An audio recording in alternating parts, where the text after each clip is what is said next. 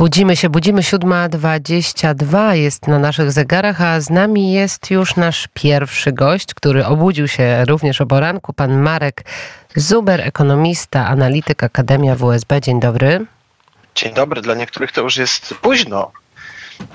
No zależy o której się wstaje. Tak jest. No w każdym razie dzień dobry jeszcze raz. Dzień dobry, witam serdecznie. To na początek oczywiście pytanie. Wczoraj za ustawą okołobudżetową głosowało aż 408 posłów. Widać konsensus, jeżeli chodzi o przyszłość budżetu. Myśli pan, że nie będzie problemów z jego uchwaleniem?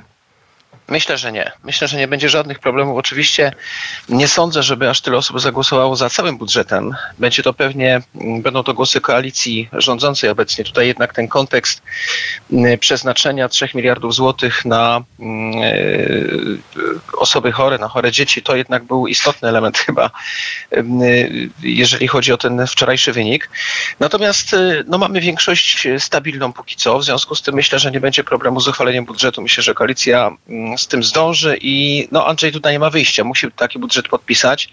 Jest oczywiście ta opcja y, wysłania go do Trybunału Konstytucyjnego, no ale biorąc pod uwagę to, co mówią prawnicy, ja nie jestem prawnikiem, mm, trudno będzie to jakoś wiarygodnie uzasadnić y, w kontekście właśnie ewentualnej niekonstytucyjności budżetu. Także myślę, że nie będzie z tym mm, specjalnych problemów, jednak wszyscy mają świadomość, świadomość mówię oczywiście o rządzących, że mm, niewysłanie budżetu w terminie przyjętego budżetu, no to jest pod potencjalnie podstawa do rozwiązania parlamentu. Nie wiem, czy to dzisiaj bardzo prawdopodobne, biorąc pod uwagę mm, y, badania mm, y, opinii w kontekście poparcia różnych partii politycznych, no ale taka możliwość by się rysowała i z całą pewnością obecnie rządzący na dzisiaj y, tego by nie chcieli. E, mówi Pan e, o tych terminach, to więc e, powiedzmy, jak dokładnie to wygląda. Jeżeli budżet nie zostanie uchwalony do końca stycznia, wtedy rozumiem, Andrzej Duda ma narzędzia związane z rozwiązaniem parlamentu ma narzędzia, co nie znaczy, że musi to zrobić, bo to jest też bardzo ważny element y, tego wszystkiego. Ma narzędzia, ale nie musi dokonać, y, y, nie, nie musi podjąć tego typu decyzji. Natomiast no, potencjalnie rysuje się taka możliwość, więc tak jak powiedziałem, na dzisiaj wydaje się, że koalicja rządząca jednak nie ryzykowałaby w takiej sytuacji. Słupki poparcia to słupki poparcia, realia to realia. W związku z tym myślę, że takiego scenariusza nie będzie i budżet zostanie przyjęty przyjęty, a potem podpisany przez Andrzeja Dudę. Największe zmiany, jakie są, to rozumiem te podwyżki, wzrost płac dla nauczycieli o 30%. To jest obietnica, którą Donald Tusk składał w, y, podczas kampanii wyborczej. Co jeszcze udało się zawrzeć z tych obietnic wyborczych, a czego jednak zabrakło? No mamy y, nie tylko podwyżki dla nauczycieli, mamy też podwyżki w innych obszarach. W sumie te dodatkowe mm, pomysły można by było szacować na rząd wielkości 50 miliardów złotych y, zwiększonych wydatków w stosunku do tego budżetu który prezentował swego czasu mm, poprzedni premier, czyli Mateusz Morawiecki. Natomiast y, deficyt, jak wiemy, nie został zwiększony mm, o taką wartość. To jest rząd wielkości 20 miliardów złotych. Y, no i w związku z tym są dwie możliwości. Albo y, będzie poszukiwanie jakichś oszczędności w postaci przeglądu różnego rodzaju wydatków, ale nie ma cudów, nie znajdzie się 30 miliardów złotych w ten sposób, więc ja myślę, że to jest po prostu pierwszy budżet na rok 2000, właściwie drugi budżet na rok 2024, drugi, no bo pierwszy to jest ten przygotowany przez Morawieckiego, chociaż oczywiście on nie przeszedł całej procedury z uwagi na to, że mm, wynik wyborów był taki, a nie inny, więc pierwszy budżet na rok 2024 formalnie przyjęty i podpisany przez Dudę, to prawdopodobnie będzie właśnie ten budżet, na którym teraz parlament pracuje. No i moim zdaniem jest wręcz pewne, że w dalszej części roku będziemy mieli nowelizację tego budżetu, która y, no, dostosuje się do realiów, jeżeli mogę tak powiedzieć, w kontekście tych zwiększonych wydatków, które zostały w tym budżecie zapisane. Y, ja myślę, że no, pamiętamy oczywiście te różnego rodzaju obietnice.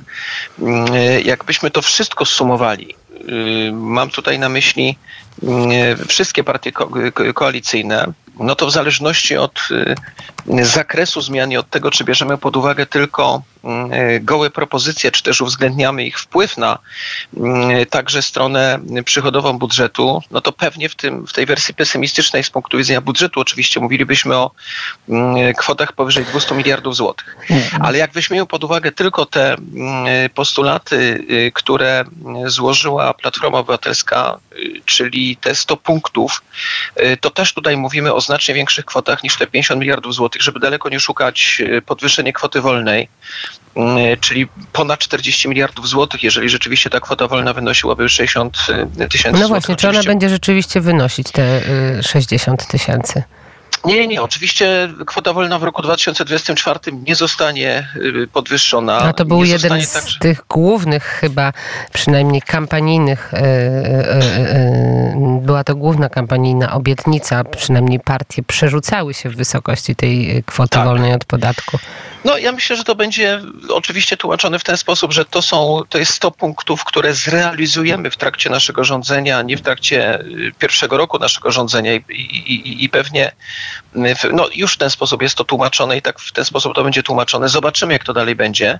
Natomiast z pewnością to był ten najbardziej kosztowny mm, e, punkt. Tak jak powiedziałem, ponad 40 miliardów złotych. Oczywiście mówię tutaj o tych kwotach, e, mm, ja to nazywam kwotami brutto, to znaczy podwyższamy kwotę wolną, o tyle mamy mniejsze wpływy, no ale trzeba pamiętać o tym, że jeśli zostaną pieniądze w, w rodzinach, w gospodarstwach domowych, to pewnie część tych pieniędzy zostanie wydana, z tego będzie większy podatek VAT na przykład, y, także inne podatki, więc pewnie kwota netto byłaby nieco niższa. Ale faktycznie to jest ten najbardziej kosztowny element, który nie wchodzi w roku 2024 w życie, ale też warto wspomnieć o powrocie do mm, rozliczania składki zdrowotnej y, w picie. Tego też nie będzie.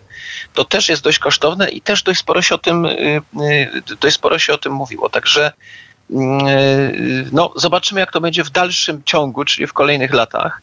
Natomiast e, nie ma co ukrywać, że z jednej strony sytuacja finansów publicznych dzisiaj. Nie dramat, nie katastrofa, ale pogarszająca się sytuacja, mm, jeżeli weźmiemy pod uwagę punkt wyjściowy, czyli koniec 2022 roku i także wzrost gospodarczy. Mm, ja przypomnę, że zeszły rok to był najgorszy rok pod względem wzrostu gospodarczego, nie licząc pandemii, która była bardzo specyficzna od momentu rozpoczęcia zmian ustrojowych, ale także prognozy na ten rok mm, no nie pozwalają moim zdaniem na to, żeby dzisiaj znaleźć dodatkowe 50 czy 70 miliardów złotych, żeby te inne rzeczy realizować. E, I na koniec dosłownie dwa słowa na temat deficytu, bo deficyt też znacznie wzrósł niż wcześniej zakładano 164 miliardy złotych, a nawet ekonomiści analizują, że prawdziwy budżet i e, deficyt wyniesie 277 miliardów złotych. Dlaczego taki duży wzrost? No to musimy tutaj, e, to, to, pytanie, co mamy na myśli, mówiąc o deficycie, bo te wczorajsze wypowiedzi, no to było bardzo, bardzo wiele y, liczb, y, ale nie wszyscy mówili o tym samym. Jaki będzie końcowy deficyt na ten rok? To będzie zależało między innymi od tego, co jeszcze w ciągu tego roku może zostać y, wprowadzone w życie. Pewnych rzeczy nie powinno się w ciągu roku wprowadzać, pewne można. Jakie programy będą realizowane choćby w kontekście realnego rozpoczęcia CPK, ale mamy także inne, oczywiście rozgrzebane pomysły typu Izera, to są mniejsze kwoty, ale jednak jakieś, więc trudno dzisiaj jednoznacznie o tym mówić. I moim zdaniem deficyt budżetu centralnego przekroczy 200, a i oczywiście też ważna kwestia to jest choćby wzrost gospodarczy i inflacja. Y, te założenia, które są w budżecie, one są takie jak założenia Morawieckiego. Ja bym je zostawił, biorąc pod uwagę to, co dzisiaj wiemy. No ale ostatnie mm, lata pokazały nam wyraźnie, jak bardzo sytuacja może być zmienna, jak różne rzeczy mogą nas zaskakiwać. Więc moim zdaniem ten rzeczywisty budżet dość mocno przekroczy 200 miliardów złotych, ale nie aż 270 miliardów.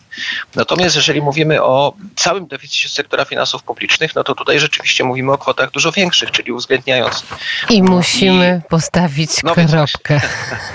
I musimy postawić. Także myślę, że będzie więcej niż to, co dzisiaj słyszymy, ale nie aż 270 miliardów. Mówił pan Marek Zuber, ekonomista, analityk Akademia WSB. Dziękuję za rozmowę.